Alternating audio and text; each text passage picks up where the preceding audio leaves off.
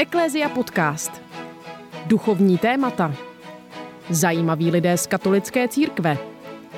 Aktuální dění. Ptejte se s námi.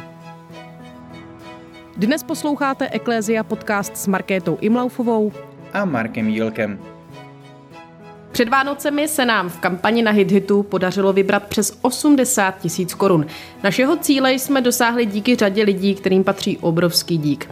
Osobně dnes chceme poděkovat třem lidem. Kristýně Blaškové, Františkovi Vodičkovi a Miriam Kubičkové. Moci vážíme toho, že nás zrovna vy tři posloucháte a přejeme vám hodně zdraví a sil a radosti v novém roce. Váš tým Eklézia Podcast. Naším dnešním hostem je astrofyzik, jezuita a kněz Pavel Gábor. Narodil se v roce 1969 v Košicích a kvůli svým vysokoškolským studiím procestoval mnoho koutů světa. Vystudoval fyziku elementárních částic na Matematicko-fyzikální fakultě Univerzity Karlovy v Praze, poté dvouletý noviciát v Kolíně, filozofii v Krakově, teologii v Paříži, postgraduál teologie v Olomouci a akademickou jízdu ukončil doktorátem z astrofyziky znovu v Paříži. Od roku 2010 působí ve Vatikánské observatoři v arizonském Tucsonu, kde je zástupcem ředitele. Dnes si proto budeme s Pavlem Gáborem povídat o hvězdách, vesmíru, církvi a astrofyzice, no a dotkneme se také tematiky horoskopů. Milí otče Pavle, vítejte v našem podcastu. Díky za pozvání. Otče Pavle, jak už znělo v úvodu, vy jste žil v Polsku, Francii, Austrálii, Švýcarsku a zároveň pracujete pro Vatikán. Kolika jazyky se domluvíte? No, asi pěti nebo šesti. No. Eh, ono to hm, samozřejmě je otázka to jsou ty jazyky, kterými se domluvím docela slušně. Pak ještě pár dalších eh, existuje, kterými se domluvím jakž takž. No. Pojďme se rovnou vrhnout k našemu prvnímu tématu a to je astrofyzika, tedy váš hlavní obor. Eh, můžete možná úplně na začátek nejprv krátce vlastně vysvětlit, eh, co astrofyzika je, čemu se věnuje, protože asi ne pro všechny je to úplně samozřejmé. No, já se musím přiznat, že tedy hm, tady v Tucsonu učím na Arizonské univerzitě dějiny astronomie a tak hm, mi to nedá, abych vás patřičným způsobem nepoučil. Eh, takže eh, rozdíl mezi astronomií a astrofyzikou, ale ten rozdíl je vlastně historický. Dneska astrofyzika to je prakticky všechno to, co dělají astronomové, takzvaní. A Eh, víceméně tedy astronomie jako taková se skoro neprovozuje. Co to byla astronomie? No, to byla vlastně ta, to období v dějinách, v dějinách této vědy, kdy se astronomové vlastně zabývali jenom polohami hvězd, planet, prostě zkoumali, kde věci jsou a jak se pohybují na obloze.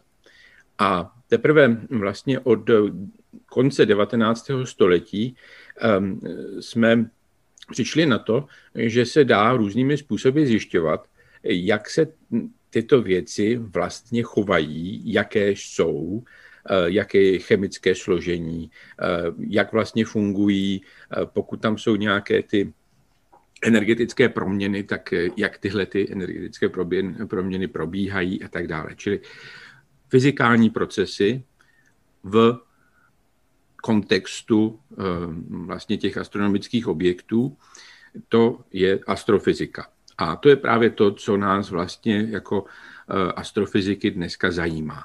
Čili jak se chovají hvězdy, kolik eh, jakých třeba z planet můžou mít, jak vypadají galaxie, jakým stylem se vyvíjejí. A víceméně do té astrofyziky spadá i ta pozorovací část eh, současné kosmologie, čili eh, jak se vyvíjí celý vesmír, eh, jak je veliký, jak je starý a podobně. Čili tyhle ty věci, jak říkám, vlastně se dají zkoumat díky tomu, že přeze všechny předpoklady je možnost vlastně nacházet spousty informací, o velice vzdálených objektech, informací, které by se vlastně ani nečekaly, eh, že, že, že, že by se dali objevit, eh, a to především skrze spektra těch, těch objektů, čili analýzou jejich světla. A, takže to je, to je astrofyzika. A jak říkám, ona vlastně je naroubovaná na, na ten starodávný kmen astronomie. Vy jako kněz a zároveň astrofyzik, myslím, že jste určitě dobrý člověk na to, aby jsme se vás zeptali, jaký byl vlastně eh, vztah církve k astro, astrofyzice eh, během historie. Byla vždycky církev vstřícná vůči tomuto oboru? Tak eh, v zásadě se dá říct, že až na pár výjimečných, výjimečných situací ano, ale možná právě to je nejčastější ta epizoda, která, která lidem vytane na mysli, totiž epizoda s Galileem, že ano. Um, to je eh, docela zajímavá věc, protože tady se jedná o uh, takový, um, dejme tomu střed názorů, který, který vlastně existuje do jisté míry dodnes a nejenom tedy v rámci křesťanské, křesťanské denominace, křesťanských denominací různých. Teď to je otázka, jak hledat pravdu. A křesťané eh, měli občas tendenci domnívat se, a dodnes se najdou takové směry v křesťanství, že je jediná pravda, eh, respektive jediná pravda, na které opravdu záleží, a to je Ježíš Kristus. Eh, vždyť on říká, já jsem cesta, pravda a život. Janově evangelium řada lidí um, si tedy um, vlastně uh, myslela, že více-méně tedy uh, všechno ostatní je nepodstatné, respektive možná dokonce přímo škodí, protože nás odvádí od toho podstatného. Ale uh, tento názor je v zásadě tedy, v, aspoň v katolickém kontextu, názorem menšinovým a vlastně vždycky byl ten většinový názor, ten názor, který opravdu jaksi převládá v katolicismu um, tradičně po staletí, je názor, který se vlastně dá odvodit eh, z jednoho verše eh, v, v listě Římanům, eh, to je, myslím, hned první kapitole, 20. verš, kde svatý Pavel vlastně říká, že i přirozeným rozumem je možné poznávat Boha, poznávat pravdu. A tahle ta přirozená cesta k pravdě, to je právě to, co eh, vlastně děláme, co by, co by vědci. Eh, možná samozřejmě eh, se nesnažíme tu pravdu uchopit v nějaké definitivní podobě. Prostě ve vědě nám vždycky vlastně jde jenom o jakési provizorium. Musíme se vždycky spokojit s tím, že čím hlouběji pronikáme do podstaty věcí, tím vlastně zjišťujeme, že je více otázek, které si můžeme klást. Můžeme si ty otázky klást lépe. Ale přesto tedy je to cesta, která nás eh, vlastně posouvá jakýmsi eh, dobrodružstvím poznávání pravdy. A, a tak vlastně ten konflikt kolem, kolem Galilea, ten konflikt byl do značné míry konfliktem o tom, eh, jak hledat pravdu. Zda tedy pravda je jenom eh, vlastně eh, ta pravda zjevená, a nebo jestli má, jestli je na místě dívat se také jinam pro, po, po zdrojích té pravdy. A vlastně Galileo eh, měl to neštěstí, že přišel s těmi, s těmi objevy v době, kdy eh, katolicismus se vlastně poněkud snažil napodobit eh, protestantismus tehdejší, a ten protestantismus ten měl spíš tu tendenci, jak si soustředovat se na písmo svaté. To, to nebyla pro katolicismus typická tendence, ale v té době zrovna, eh, zrovna v té nešťastné době byla, eh, byla pro katolicismus také eh, významnější než obvykle. No. A tak když Galileo přichází s tím, že hm, přeci pán Bůh nám nedal rozum jenom proto, abychom, hm, abychom ho nepoužívali, ale proto, abychom naopak si jim sloužili a, a poznávali stvoření a skrze stvoření stvořitele, tak eh, jenom opakuje, eh, opakuje teze, které prostě byly eh, mainstreamem po celá staletí předtím a která jsou mainstreamem naštěstí i potom. Mm-hmm. No a když o tomhle mluvíte, tak co byl vlastně ten protinázor, který uh, tedy použili tehdejší církevní představitele, aby oponovali tomu názoru uh, Galilea. Teď přece v Bibli není jasně napsáno, jak je postavená sluneční soustava a, a podobné věci, o kterých, o kterých mluvil Galileo. To je pravda, ale na druhé straně v Bibli, uh, i když to není nějak jasně nikde formulováno, tak eh, tam najdeme celou řadu takových eh, poznámek, zmínek, které prostě naznačují, že eh, to kosmologické uspořádání, které má ten autor na mysli, je, je jiné. To znamená, třeba se tam pohybuje žádno slunce, respektive se zastaví. To je známá pasáž z knihy Jozue, která se právě používala v tom, v tom procesu s Galileem eh, měla docela významné místo, když samozřejmě je to eh, docela užitečné taky poukázat na to, že v písmu svatém je těch eh, různých kosmologických názorů zřejmě více během těch staletí, kdy se, kdy se ty texty Eh, tvořili pod, eh, pod vnuknutím Ducha Svatého, oni se tvořili tedy vlastně díky těm, těm svatopiscům lidským a ti ličtí svatopisci měli nějaké představy kosmologické, které hm, samozřejmě při psaní té, té Bible nebyly nějak ultra centrální a nebyly nějak příliš podstatné. Takže vlastně eh, tyhle ty pasáže se dají chápat spíš jako součást toho, co, co prostě patří k jazyku, patří k výrazovým prostředkům té dané doby. A když tedy používá ten, ten svatopisec nějaké obraty, tak ty obraty musíme chápat v tomto kontextu. Nikoli jako eh, popisy tedy eh, těch, těch událostí. Takže když třeba žalmista říká, že pán Bůh stvořil zemi ehm, na pevných základech, tak to nemusíme chápat tak, že tedy skutečně ta země je nějak přirostlá k nějakému eh, podstavci, který je solidní a nehýbe se. Že? Pojďme se teď podívat na to, co vy konkrétně děláte, co je vaší každodenní náplní. Eh, zmínili jsme, že už více než 10 let eh, jste zástupcem ředitele tedy Vatikánské observatoře. Co přesně je vaší náplní práce, na čem teď Mm, děláte, na jakých projektech a možná by mě zajímalo, jestli ta práce vaší observatoře tím, že je vatikánská, jestli se nějak speciálně liší od práce třeba jiných observatoří ve světě.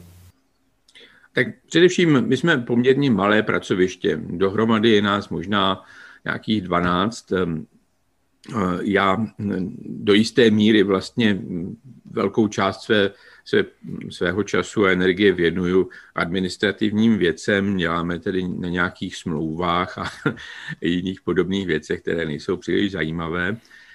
Um, pokud jde o ten eh, vědecký výzkum, tak eh, vlastně eh, já dělám dvě věci. Jednak se snažím tedy vlastně ten náš dalekohled, který tady máme v Arizoně společně s Arizonskou univerzitou, tak se snažím tedy vlastně o jeho rekonstrukci, aby ten dalekohled měl před sebou zajímavé, zajímavé možnosti a to je ten dalekohled na Mount Graham. On má průměr zrcadla 1,80 m, takže je to docela slušný dalekohled a vlastně byl dedikován v roce 93, takže od té doby prošel několika upgradey a dneska se snažíme tedy celé to zařízení, nejenom ten dalekohled sám, ale prostě i všechny ty podpůrné systémy e, automatizovat tak, abychom ten dalekohled dovedli provozovat na dálku, abychom tam nemuseli být fyzicky přítomní. To není jenom tím, že bychom byli líní, ale je to poslední dobou stále důležitější, aby ten dalekohled dokázal prostě fungovat eh, bez, eh, bez toho, že by tam byl nějaký operátor spolehlivě. Že hm, dneska máme ve zvyku posílat eh, astronomy, aby ten dalekohled řídili a zároveň si teda sbírali data, která ten dalekohled zachytí. Jenže eh, takový astronom samozřejmě, který sice je připraven, má za sebou nějaký výcvik na tom dalekohledu, tak z pravidla způsobí taky trošku zmatek, když tam přijde po roce, že jo. A tak výsledek je ten, že eh, vlastně naše inženýři ztrácí čas tím, že, tím, že jim do noci musí eh, ty, ty věci na dálku nějakým stylem spravovat. Že? Takže, eh, takže tahle ta představa, že by, ten, že by to celé zařízení vlastně fungovalo jaksi autonomně a že by se mu stačilo říct, tak podívej se daleko hlede, já chci, aby se, se zaměřil dneska večer na tuhle tu hvězdu a pěkně se tam podívej, no a my tady budeme sbírat data. No a takže když dalekohled bude mít tyhle ty schopnosti, tak, tak si myslím, že to snad bude celé poněkud stabilnější a, a možná dokonce se některé, některá ta pozorování, některé ty pozorovací programy budou dát i plně automatizovat. Až do té míry, že potom i ty uh, odborné články budou psát automaty. Že jo? Ne, tak to přehání. Uh, no a já bych se vás možná ještě doptal jo, a vlastně trošku... jsem ještě neřekl, že, že teda mm, jaký výzkum dělám já, že jo tak eh, já vlastně, když teda se k tomu dostanu, tak eh, se podílím na pár takových projektech, které vlastně mm, oba souvisejí eh, s mm, objevováním těch planet mimo sluneční soustavu. Takže ten jeden projekt, to je projekt EDEN, kde se opravdu snažíme zmapovat nejbližších několik, no, to je spíš tak kolem tisícovky objektů, eh, které jsou nejbližší tedy naší, naší sluneční soustavě. A eh, to jsou teda hvězdy, eh, spíš hvězdičky menší, protože statisticky těch menších hvězd mnohem víc než těch velkých. A snažíme se zjistit tedy, zda kolem nich náhodou neobíhají nějaké planéty a udělat si takovou eh, víceméně tedy no, exhaustive, jak se to řekne česky. Um, vyčerpávající. Vyčerpávající, ano, děkuji. Jako, vyčerpávající tedy jaksi přehled. No a potom um, ten druhý projekt, to je vlastně něco podobného. Tady se zase jedná o um, spektroskopickou charakterizaci hvězd, eh, čili zjišťování, jaké mají chemické složení a um, spousty jiných vlastností. A to u hvězd, které jsou zkoumány uh, tou uh, kosmickou observatoří, které se říká TES.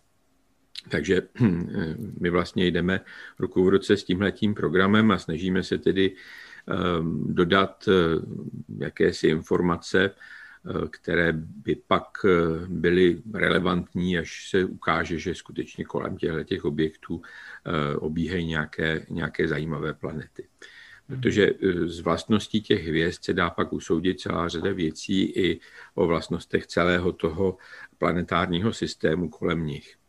No. Mm-hmm. Takže to jsou ty dva, dva projekty, na kterých eh, se podílím momentálně. Pak je tam ještě jeden, bohužel ten jsme museli vlastně teďka zastavit kvůli tomu, že se vlastně ta pozorování v tomhletom režimu omezeném eh, provádí těžko. To je projekt, který vlastně se soustředuje na eh, změření um, Hubbleovy konstanty um, pomocí, pomocí um, vlastně gravitačně zobrazovaných kvazarů, tedy kvazarů, které vidíme přes gravitační čočky. A je to velice zajímavý projekt, který, který jsme začali velice slibně a teď kvůli covidu to vlastně moc nemůže pokračovat, což je smůla. Ono to souvisí s tím, že ten dalekohled vlastně nedokážeme provozovat teďka pořád, musíme vlastně dělat pauzy eh, kvůli personálním otázkám a, a ty pauzy právě tomuhle tomu, eh, tomu výzkumnému projektu nesvědčí. Ten potřebuje vlastně čím delší souvislé období pozorování. Takže, hmm. takže mm, to jsou zhruba ty věci, které dělám já, ale na tom našem pracovišti prostě každý dělá něco úplně jiného. Od meteoritů, které vlastně sensu stricto do astronomie nepatří, že ano, ale až po, až po čirou teorií nějakých těch teorií kvantové gravitace. Když tady dokončíte nějakou práci, tak co se vlastně děje s tím reportem? To napíšete dopis a pošlete ho eh, do Vatikánu a papež František si přečte, co nového papežská uh, vatikánská observatoř našla, nebo co vlastně s těmi výsledky potom děláte? Tak eh, většina samozřejmě publikovatelných výsledků se publikuje a pokud jde o zprávy pro, pro svatý stolec, tak ty vlastně produkujeme každoročně děláme takovou výroční zprávu, kde v podstatě shrnujeme, co, co, co observatoř dělala.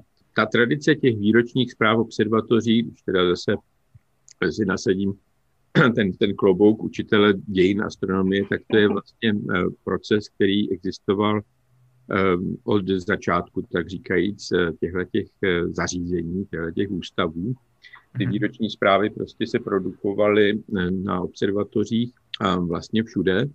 A tenkrát v tom 19. století, dejme tomu, kdy vznikla celá řada observatoří současných, tak e, ani neexistovaly nějaké učené časopisy, takže vlastně všechna, e, všechny zprávy z astronomie byly v těch výročních zprávách. A e, takže to fungovalo tak, že každá observatoř poslala každé observatoři svou výroční zprávu a tak se to vyměnili a A my máme ve Vatikánu teda eh, v našem hlavním sídle eh, úžasnou sbírku těchto těch výročních zpráv z různých observatoří, takže to je, to je docela zajímavý archivní materiál. No, ale to jsem, to jsem odběh. Takže většinou samozřejmě ty, ty výsledky vědecké se publikují v odborných časopisech. A co byl ten prvotní impuls, proč vlastně uh, Vatikán se rozhodl, že založí observatoře?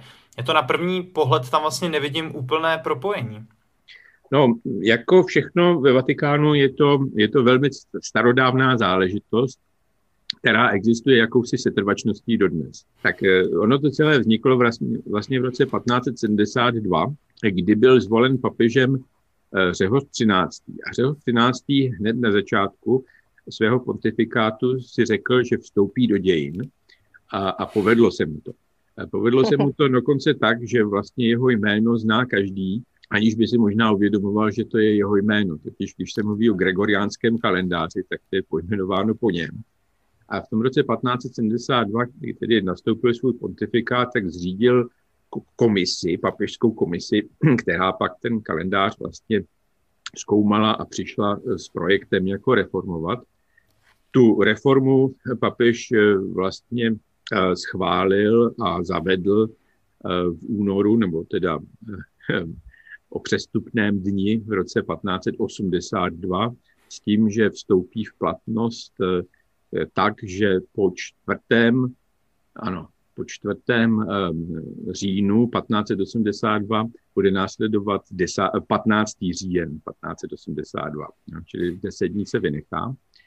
A tahle ta představa pochopitelně Jednak to, že papež bude prostě určovat, jak se bude eh, vlastně ten kalendář vyvíjet a tak dále, tak to se řadě lidí nelíbilo, takže v mnoha zemích ten kalendář přijali až později, ale eh, v zásadě dneska eh, se tím kalendářem řídí celý svět. Takže ten, ten gregoriánský kalendář to byl, to byl vlastně projekt, ke kterému papež potřeboval také součinnost jakýchsi astronomů a dokonce investoval do výstavby takové pozorovací plošiny, řekli bychom dneska, spíš než observatoře eh, ve Vatikánu samotném. Říká se tomu věž větrů, ehm, nebo taky Gregoriánská věž a eh, kdo jste byli eh, na prohlídce vatikánských muzeí a dívali jste se tam z toho nádvoří, nádvoří Šišky, kde tedy je ta ta, ta, ta veliká bronzová šiška, eh, tak, eh, tak jste tam možná viděli právě tu věž v jednom rohu. No a takže tahle ta věž tam, eh, ta věž větrů vlastně byla prvním pracovištěm té vatikánské observatoře a postupně během staletí se to proměňovalo, až vlastně nás světelné znečištění víc než cokoliv jiného vyhnalo do, eh, teda mimo Řím, nejprve na papežské letní sídlo do Castel Gandolfo, kde dodnes tedy máme pracoviště, ale nedá se odtamtud vlastně už dneska pozorovat, právě kvůli tomu světelnému znečištění, které se rozšířilo. A mm, pak teda kolem roku 1980 vlastně se pomaloučku začala krystalizovat ta představa, že rozvineme spolupráci s Arizonskou univerzitou a budeme tedy mít druhé pracoviště tady. Hmm. Není to vůbec uh, obecně problém, to světelné znečištění, že vlastně třeba by časem mohlo být tak velké, že už by prostě bylo znemožněno jak si ten vesmír více zkoumat nebo pozorovat? Nebo nehrozí, že bude to znečištění velké, že byste přišel o práci, když to hodně zjednoduším? Um, tak jistá, jistá stanoviště samozřejmě jsou ohrožena. Že by se to týkalo celé země, to bych netvrdil. Dokonce si myslím, že jsou tady jisté pozitivní známky. Je tady hnutí, kterého um, jsem taky trošku součástí, hnutí, kterému se říká uh, International Dark Sky Association, čili uh, asociace pro tmavou oblohu, Mezinárodní asociace pro tmavou oblohu. A myslím, že je podobných organizací pár ještě. A e, tady se jedná vlastně o organizace, které se snaží tedy e, zajistit, aby e, ta tmavá obloha a přístup tedy lidí k nebeským jevům byl, byl zachován a myslím si, že se to pomalučku začíná dařit. A to díky tomu, paradoxně, že se používají chytřejší svítidla. Ja? Ta svítidla, která máme dnes, umožňují celou řadu funkcí, které ta předchozí svítidla neumožňovala. Takže ku příkladu tady v Tucsonu ve městě se svítí méně, než se svítilo před 20 lety. Přestože to město se rozrůstá. Je to tím, že prostě se pouliční osvětlení dělá tak, aby nesvítilo moc a když svítí, tak aby svítilo jenom tam, kde je to potřeba a kdy je to potřeba čili se to zapíná, vypínám a tak dále. Takže je tady celá řada věcí, jak se to dá dělat líp. A já doufám, že, eh, že tedy s tím pokrokem eh, té, té, té světelné eh, techniky vlastně se, se snad i vylepší ten způsob, jak, jak budeme mít my všichni ostatní přístup k takovým těm krásným věcem na obloze, jakými jsou třeba z mléčná dráha, že jo. Protože dneska, eh, kdy jste naposledy viděli mléčnou dráhu, že jo. Tak, eh, pokud Já na vesnici u nás občas eh, zahlednu, no, no, no. ale je pravda, že už je to mnohem vzácnější. Ta dobrá vůle tady je v podstatě ze všech stran a tím, že ta a, a vůbec prostě ty, ty různé veřejné subjekty musí nakoupit různá svítidla tak jako tak, tak eh, to je jenom otázka toho, aby byli patřičně informováni a nakoupili ta správná. Pojďme se teďka přesunout eh, k otázkám z té oblasti astronomie, o které jste už mluvil. Jedna z věcí, kterou eh, teďka určitě posluchači zaslechli, nebo kterou pravděpodobně zaslechli ve vánočním čase, byla konjunkce Jupiteru a Saturnu. Můžete nám trošku víc osvětlit, v čem to vlastně bylo unikátní, pokud to tedy unikátní bylo? No, svým způsobem to je unikátní vždycky. Um, a No co to je vlastně konjunkce nejprve možná? V podstatě hm, z hlediska astrofyzikálního to není nic zajímavého. Z hlediska ale podívané, lidské podívané na Zemi, to vypadá opravdu pěkně. Vlastně se jedná o to, že dvě planety z našeho pohledu jsou skoro Eh, ve stejném eh, směru. Čili vlastně se nám na obloze promítají, jako by byly velmi blízko sebe.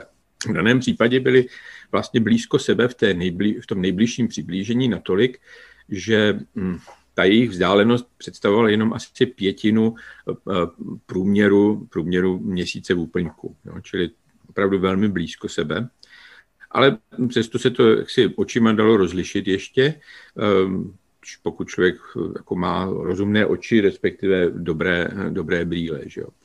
A takže, takže tyhle, ty, tyhle ty konjunkce nastávají samozřejmě periodicky, není na tom nic eh, příliš, příliš zvláštního z hlediska tedy astrofyzikálního, ale z hlediska tedy té podívané je to pěkné, protože to vidíte prostě během dnů a týdnů, jak se ty dvě Eh, planety k sobě přibližují a přibližují a přibližují a pořád se ještě přibližují a pak eh, teda nastane to nejbližší přiblížení a pak zase se pomalučku vzdalují od sebe. ty planety na obloze, pokud právě se bavíme o tom světelném znečištění, tak většina lidí vůbec ani nesleduje, co tam ty planety dělají. Že jo? Ty planety i za normální okolností dělají docela zajímavé věci občas, eh, teda většinou ty planety vlastně mezi hvězdami, tak říkajíc, putují jedním směrem a občas putují i, i opačně, opačným směrem. Tomu se říká retrográdní pohyb. A u toho pohybu e, nastává dokonce taková jakási podivná smyčka, takže když to sledujete týdny, že jo, většinou, je to zapotřebí sledovat, co ta planeta na obloze dělá, tak je to docela zajímavé. No? A Někdy se ty planety v rámci těchto těch všelijakých pohybů i k sobě přiblíží vzdálí a tak dále. A právě to, co je možná nejzajímavější, nejpopulárnější taková, taková velká konjunkce, tak to je to, co nastalo někdy v roce 7 eh, před eh, křesťanským letopočtem. Ehm, a co Johannes Kepler spočítal, že muselo nastat, a o čemž se teda domníval, že vlastně byla ta betlémská hvězda. Že? To byla dokonce trojí konjunkce za sebou. Během několika měsíců se Jupiter se Saturnem přiblížili takhle třikrát.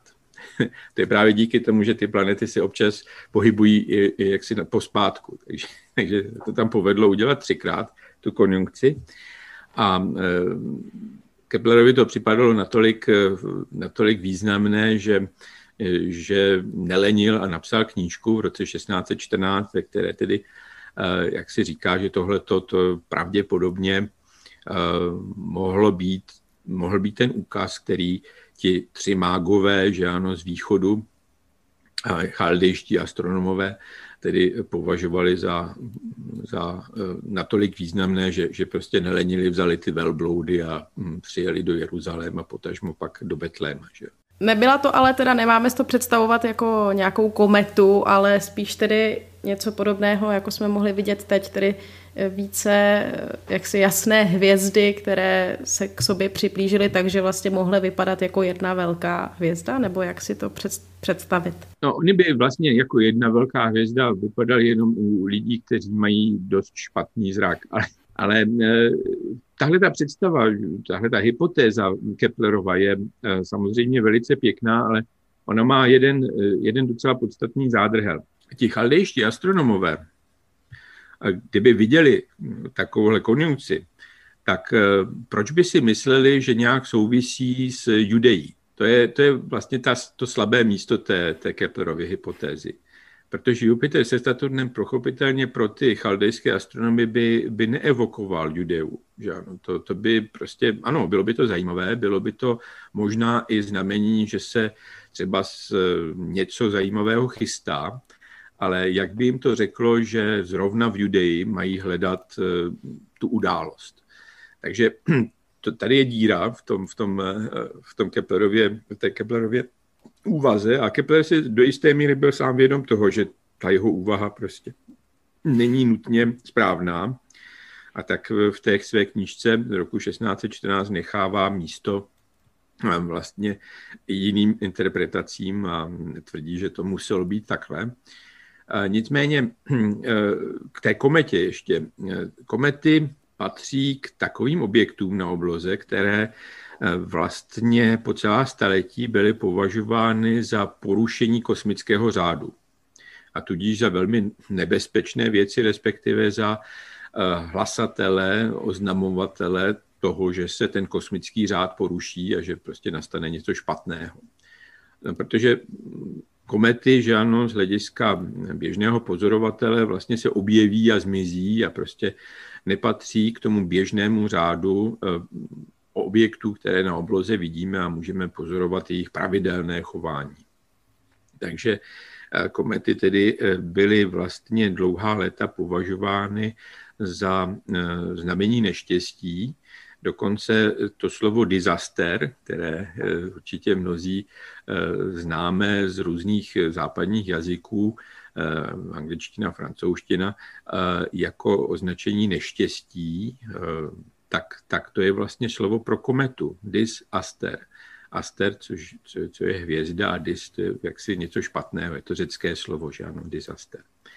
No a tak, takže komety vlastně se do betlémské scény příliš nehodí z tohoto hlediska, ale Může za to Giotto di Bondone, který viděl někdy v roce 1300, já teď už přesně nevím, 1304 nebo tak, viděl, viděl Heliho kometu, ta není zapůsobila tak, že si prostě řekl, že už teda dostal zakázku pár let později udělat eh, scénu s narozením a klaněním tří králů, tak, eh, takže tam prostě přimaluje tu kometu, že to prostě stojí za to to tam dát.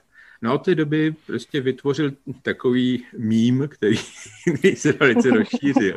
No a takže máme teda teďka nějakou moderní teorii, která by nějak tak jako historicko-astronomicky popisovala, eh, jak to s těmi třemi uh, mudrci z východu bylo, jestli teda vlastně jako uh, do té Judei přišli, za čím putovali. Máme nějakou přesnější metodu než to, to od Keplera, co tady je vyvráceno? Ku podivu ne, vlastně eh, ta otázka třeba z toho, co by těm chaldejským astronomům, astrologům připadalo v té době eh, dostatečně zajímavé a hlavně spojené tedy s tou, spojené s Judeí, tak to vlastně pořád nevíme. Existuje jedna teorie, která se objevila, ale myslím si, že jaksi ona není dostatečně průkazná, protože vlastně těžko říct, eh, tedy ty, ty prameny sice jsou, ale jsou málo zkoumány. Eh, víte, ono je to tak, že astrologie, že ano, se už bavili o tom, co to je astronomie, co to je astrofyzika, tak astrologie, to je neboli hvězdopravectví, to je vlastně to, eh, že se vykládá, jak to postavení hvězd, hlavně teda planet na obloze, ovlivňuje lidské, lidské dějiny tak nebo to může být eh, konec konců i život jednotlivce.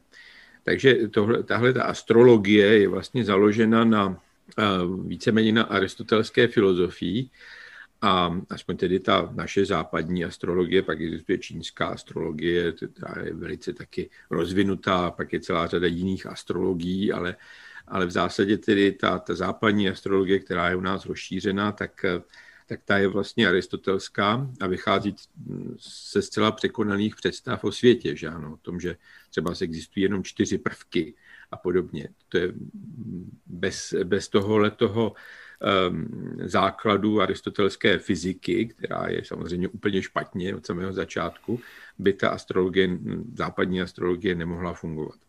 Takže ta astrologie, jak říkám, je vlastně nesmysl, založený na špatných představách eh, o světě a hm, eh, ten, ty její dějiny vlastně dlouho nikdo pořádně neskoumal, protože se to považovalo za pavědu a tudíž nikdo se s tím nechtěl zabývat. Poslední dobou se nachází několik děj, teda historiků astronomie, kteří ty dějiny astrologie taky začali zkoumat, protože zjistili, že bez toho se ty dějiny astronomie moc dělat nedají pořádně, protože spousta astronomů se astrologií živila. Takže tyhle, ty, tyhle ty věci jdou ruku v ruce. A, ale že bychom znali úplně do detailů co si mohli kolem roku nula myslet, eh, myslet chaldejští astrologové, tak eh, zatím to zkoumání zdaleka, zdaleka až do toho, toho bodu nedospěl. Takže bohužel vlastně nevíme. Ale to, co bych chtěl zdůraznit, pokud jde o tu, o tu betlémskou hvězdu, je, že se jedná o jev biblický především, že ano, nikoli o jev astronomický. Eh, pokud tam je nějaký astronomický základ eh, toho biblického vyprávění, tak eh, on může být skryt pod jaksi tím příkrovem toho biblického vyprávění, jehož logikou je něco úplně jiného. Totiž logikou toho biblického vyprávění je princip naplnění písem. Že ano, to tam svatý Matouš opakuje několikrát v tom textu té druhé kapitole, ale vůbec v celém svém vyprávění o Ježíšově dětství, toto se stalo, aby se naplnilo písmo.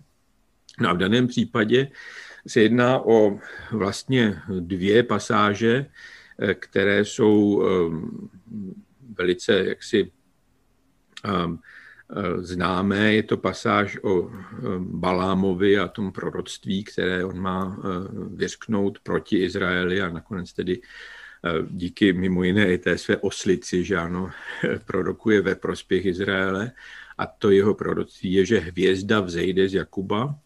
A tak tady máme tu hvězdu, která vzešla z Jakuba a všimněme si ty paralely, tak v tom Matoušově evangeliu máme zlovolného krále Heroda, v tom vyprávění o Balámovi tam máme hned tři zlovolné krále, kteří toho Baláma nutí takhle prorokovat proti Izraeli.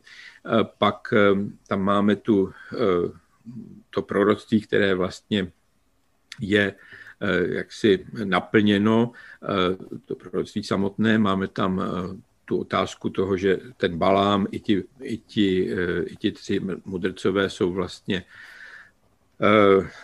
jsou pohané, že ano, kteří nějakým stylem uznávají tedy toho, toho spasitele, ať teda spasitele, který se má narodit, nebo který se právě narodil a vzešel tedy z Izraele a tak dále. Takže ty, těch paralel je tam, je tam několik a ten druhý motiv, který je vlastně ze stejné biblické knihy, jako to Balámovo proroctví, to je kniha Numerí, tak to je motiv toho pohybu hvězdy. Ta hvězda se hýbe, pak se zastavuje, pak se zase objevuje, vzchází, že ano, což je astronomický pojem v té řečtině. A tyhle, ty, tyhle, tahle ta slovesa, která popisují chování té hvězdy, e, jsou paralely e, se slovesy, které popis, která popisují chování toho ohnivého sloupu, který provází Izraelity jejich putováním po poušti. No, takže Eh, zase tedy máme to, že vlastně ti Izraelité jsou vyváděni z, té, z toho zajetí a v daném případě ti pohanští, eh, pohanští astrologové jsou vyváděni z toho, z toho svého pohanství k tomu, k tomu narozenému Kristu. Že? Takže říkám, ta biblická logika je velice, eh, velice jasná, velice hluboká, velice tedy nepřehlédnutelná. Do jaké míry se to vyprávění opravdu zakládá v detailech na, na, na realitě, to je těžko říct, protože Matouš mohl eh, vlastně ty, ty události přizpůsobit eh, tomu principu naplnění, který je pro něj eh, v té, v té druhé kapitole, jak říkám, v tom vyprávění Ježíšově dětství naprosto nosný. Mě ještě napadá k té astrologii, vy jste to tady nakousnul, to téma, tak ještě bych se přeci jenom zeptala, Řada lidí říká třeba, jak na ně působí síla úplňků, říkají třeba, že se jim špatně spí, nebo že se cítí třeba, že v některých, říká se také, že v některých fázích měsíce jsou citlivé některé orgány v těle. Tak by mě zajímalo, jestli teda z vašeho pohledu opravdu ta vesmírná tělesa nemají nějaký vliv na na naši psychiku nebo na to, na nějaké osobnostní charakteristiky, třeba právě tak, jak to říká ta astrologie. Opravdu tam není nic, čeho bychom se mohli chytit? No, um, pokud jde právě o ten úplněk a podobně, tak eh, ku podivu tohle to bere poměrně dost lidí vážně a na, do, dokonce natolik, že hm, dělají na tohleto téma vědecký výzkum. Já jsem se na to schválně díval před nějakou dobou, protože e, tady s kolegy děláme knížku o, e, o osídlení, příštím osídlení měsíce. Tak e, jsem psal takovou úvodní kapitolu o tom, jaké konotace má měsíc v pozemské kultuře. A tak jsem se dívali na, na to, že vlastně tahle ta, tahle ta představa, že um, hlavně měsíc úplňku tedy způsobuje za prvé nějaké zdravotní potíže a za druhé taky e, vzrůst e, zločinnosti a násilné zločinnosti tedy. Tak tyhle ty představy jak si statistiky nepotvrzují. No, no, jak říkám, tím, že je to poměrně rozšířené, tahle ta představa, tak je celá řada lidí, kteří to zkoumají, takže vlastně jednou za dva, tři roky vychází nějaká docela jaksi renomovaná studie, která tohleto zkoumá na základě nějakých statistik, eh, buď tedy eh, z policejních složek nebo z, eh, z, ze záznamů nemocnic. Ale ono to skutečně podle, podle toho, co jsem viděl, tak, tak se to nikdy nepotvrdilo. Jo. Takže my máme sice nějakou představu, že ten měsíc na nás má nějaký vliv, ale mm, já si myslím, že to je spíš autosugestce jakási. Hmm. Ale mm, jako samozřejmě ten, ten hlavní důvod, proč si myslím, že to asi nebude pravda, je ten, že ten fyzikální mechanismus, který by takovýhle vliv mohl nějakým stylem Ehm, jak si zprostředkovat, ehm, mi vůbec, vůbec není jasný. Ten, ten fyzikální mechanismus v podstatě se tam dá prakticky při dnešním, při dnešním stavu fyziky poměrně dobře vyloučit. Takže mm, eh, a to, je, to, je, to se týká měsíce, který je nám eh, samozřejmě nejblíž. Pokud je o ostatní planety, tak tam jaksi už vůbec, vůbec nemůžeme mluvit o jakémkoliv vlivu. To, co má na, na člověka a na biosféru velice jasný a prokazatelný vliv, to je slunce. A pochopitelně to má vliv i na naší psychiku velice silný. Ta kvalita osvětlení, která se mění v průběhu roku, to je něco, co na naší psychiku má vliv docela veliký. Že ano? ten vliv je zprostředkován skrze endokrinní systémy, čili my máme vlastně Ehm, to naše tělo funguje jinak v zimě než v létě. Prostě ten, ten, tenhle ten režim je, je tady dost, eh, dost jiný a, a souvisí právě eh, s tím, do jaké míry tedy eh, celá biosféra vlastně na, na tom slunečním světu závislá. Rozumím. No a takže teda celá ta, celá ta věda, řekněme, nebo jak to nazvat kolem, kolem horoskopů a já vždycky, když se ráno dívám na zprávy na seznam.cz, tak tam na mě vyskočí sekce pro ženy, kde se dozvím, že štíři dneska budou mít štěstí a váhy dneska musí dát pozor na nepřítele. Eh, čemu to vlastně přisuzujete, že něco takového je v společnosti tak silně zakořeněné, když to tedy vlastně nemá žádné vědecké pozadí, žádné, žádný reálný dopad?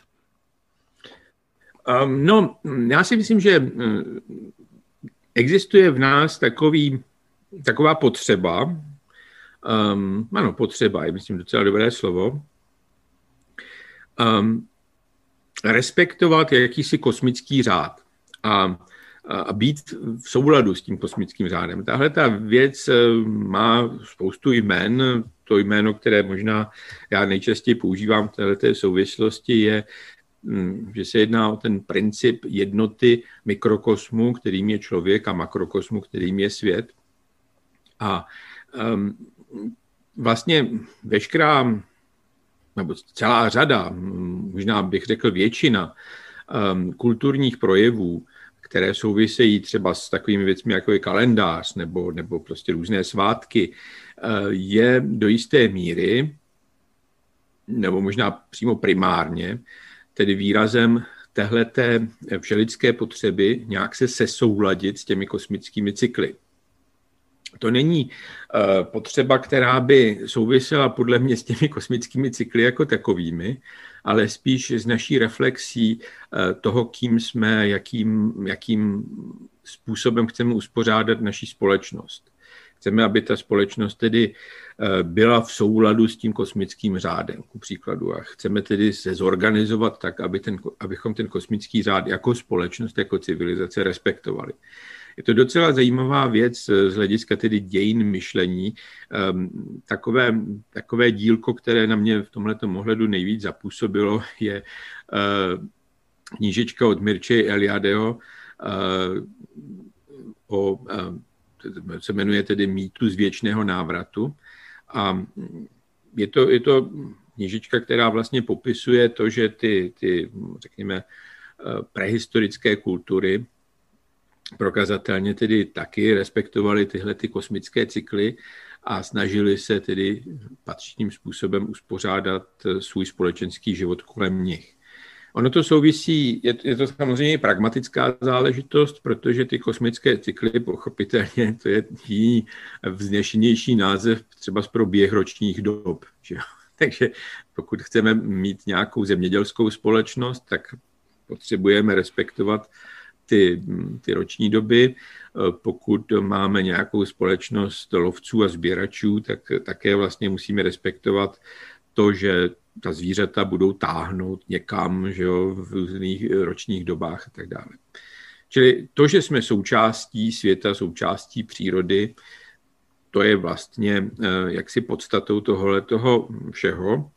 A ta astrologie to je velice uměle kultivovaná Eh, kultivovaný systém, který je založen na aristotelovské reprezentaci tohohle toho principu jednoty mikrokosmu a makrokosmu. Ta aristotelská reprezentace je, je samozřejmě špatně, ale, ale ten princip sám je jaksi podle docela legitimní a má jakousi vnitřní a hlubší logiku.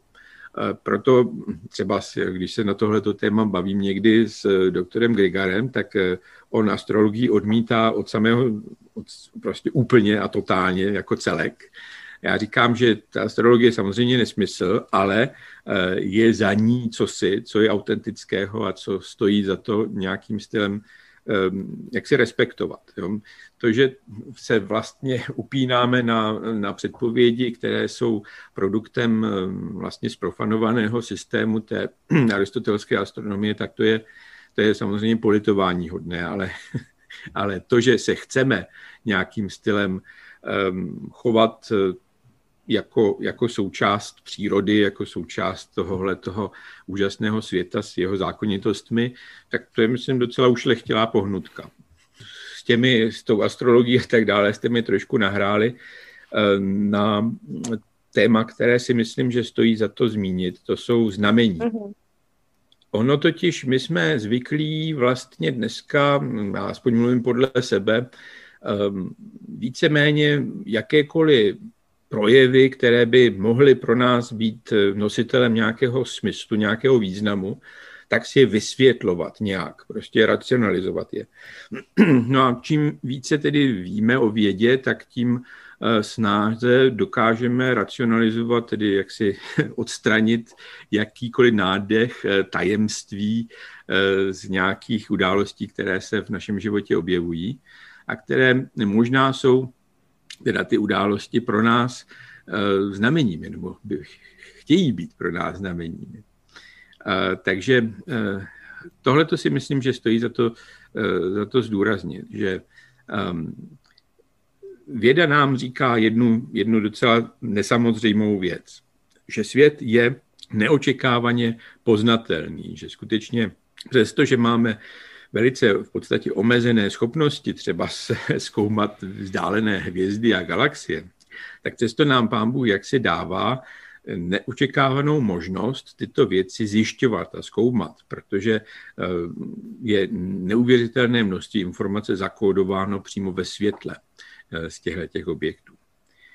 Ta neočekávaná poznatelnost světa, eh, kterou poznává věda, to je něco, co si myslím naznačuje totéž, eh, co vlastně říká, eh, říkají dějiny spásy v písmu svatém, že Bůh eh, k nám přichází, že se chce nechat poznat. A chce k nám promlouvat, ke každému jednomu z nás chce promlouvat. Tak nezavírejme oči před, před různými znameními, která jsou kolem nás. Nepřehánějme to samozřejmě, nemusíme vidět znamení úplně ve všem, to, že něco, nějaká událost, nějaká synchronicita, jak říká Jung, je zdrojem nebo je nositelem jakéhosi významu pro mě v dané mé chvíli, v daném mém hledání vnitřním, to si myslím, že je zapotřebí zdůraznit a, ehm, a chci tedy posluchače povzbudit, aby, aby tenhle ten způsob vnímání reality ehm, neopouštěli. Tak jo, tak eh, moc krát vám děkujeme, otče Pavle, za rozhovor. Myslím si, že eh, jsme se dozvěděli spoustu zajímavých věcí, takže vám děkujeme za váš čas, za vaše cené podněty, za vaše odpovědi a přejeme vám, ať se vám v novém roce daří, přejeme vám hodně zdraví a loučíme se s vámi. Díky, že jste si na nás udělal čas. Všechno dobré do nového roku, také vám posluchačům hodně zdraví, štěstí a hlavně naděje. Moc děkujem. Loučíme se také s vámi, naši milí posluchači, přejeme vám hezkých 14 dní a těšíme se opět na slyšenou v Ecclesia Podcast.